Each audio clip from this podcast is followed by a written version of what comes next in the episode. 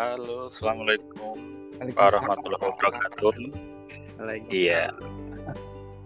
Bagaimana kabarnya Mas Subar? Alhamdulillah baik. Pak Pripon. Ya baik baik. Ya ya ini sahabat-sahabat podcast melalui aplikasi Anchor ini.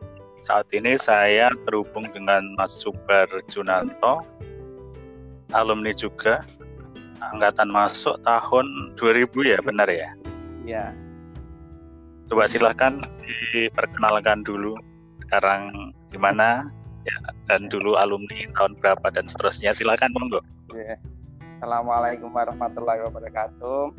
Teman-teman PPKN, saya Super Sunanto, alumni PPKN tahun 2000. Saya sekarang bekerja di IAIN Surakarta, jurusannya Pendidikan Islam Anak Usia Dini, Fakultas Ilmu Tarbiyah. Itu saja Pak. Iya. uh, riwayat pendidikannya dulu waktu pendidikan dasar sampai menengah diselesaikan di mana? Ya. SD saya di SD Gesi 1 Seragen lulus tahun 94 kemudian SMP Negeri 3 Seragen lulus tahun 97 kemudian SMU Negeri 2 Seragen lulus tahun 2000 terus kemudian S1 PPKN UNS lulus tahun 2004 ya untuk S2, pendidikan tingginya ya. Ya S2 nya di Teknologi Pendidikan UNS lulus tahun 2006 kemudian S3 nya di Penelitian dan Evaluasi Pendidikan Universitas Negeri Yogyakarta lulus 2019 ya waktu itu menulis tentang apa? Ketika disertasi di UNY model pembelajaran uh, belajar paket C. Mengembangkan instrumennya itu atau apa? Iya, jadi mengembangkan uh, instrumen pembelajaran kejar paket C. Ya, berarti untuk pendidikan non formal ya? Iya, pendidikan non formal Pak. Ya, luar biasa ya. Jadi untuk sekarang mata kuliah yang diambu apa di IAIN? Saya tetap Pancasila dan kewarganegaraan untuk mata kuliah umumnya. Kemudian untuk uh, mata kuliah yang uh, kepautan saya di metodologi dan evaluasi.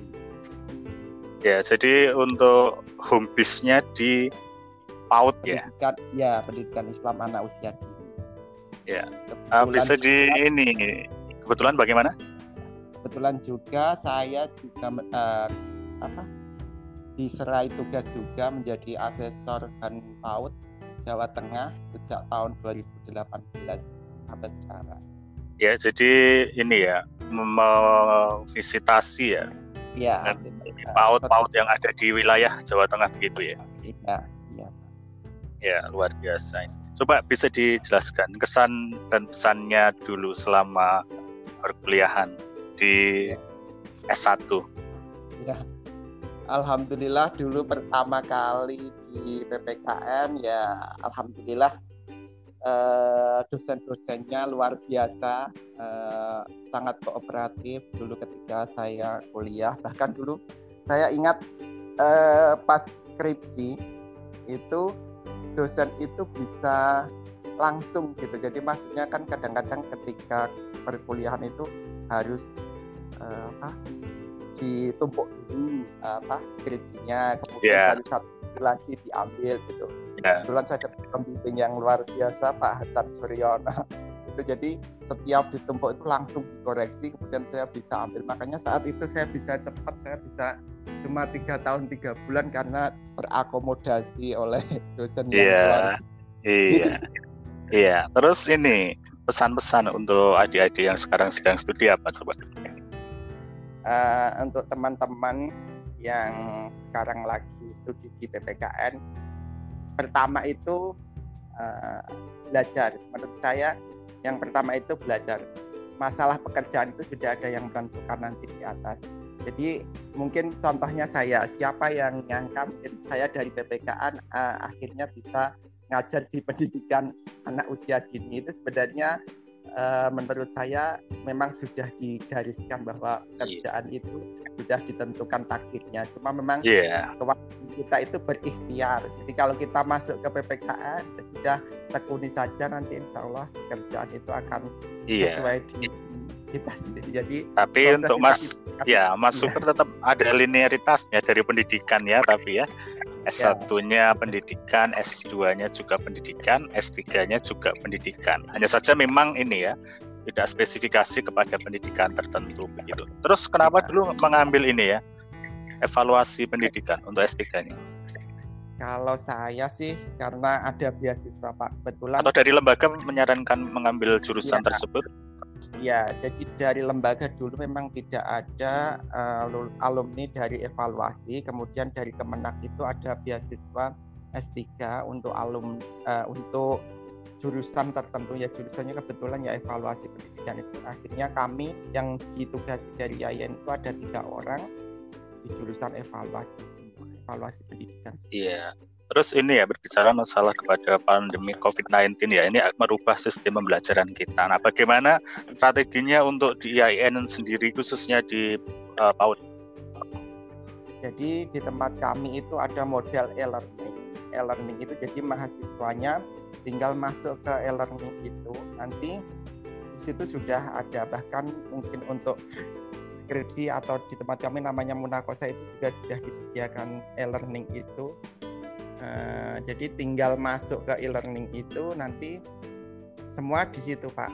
Tidak perlu tatap muka, tidak eh tidak perlu tidak perlu apa ya. Kita memang model yang sistem social distancing itu jadi ah ya mengantisipasi COVID itu dibuatlah sistem e-learning itu yang untuk mengakomodasi pembelajaran jarak jauh.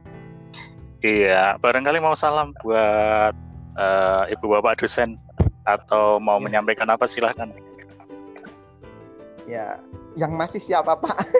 Aduh, kok tanyanya yang masih. Ya, yang tidak aktif maksudnya ya sama yang pensiun ya.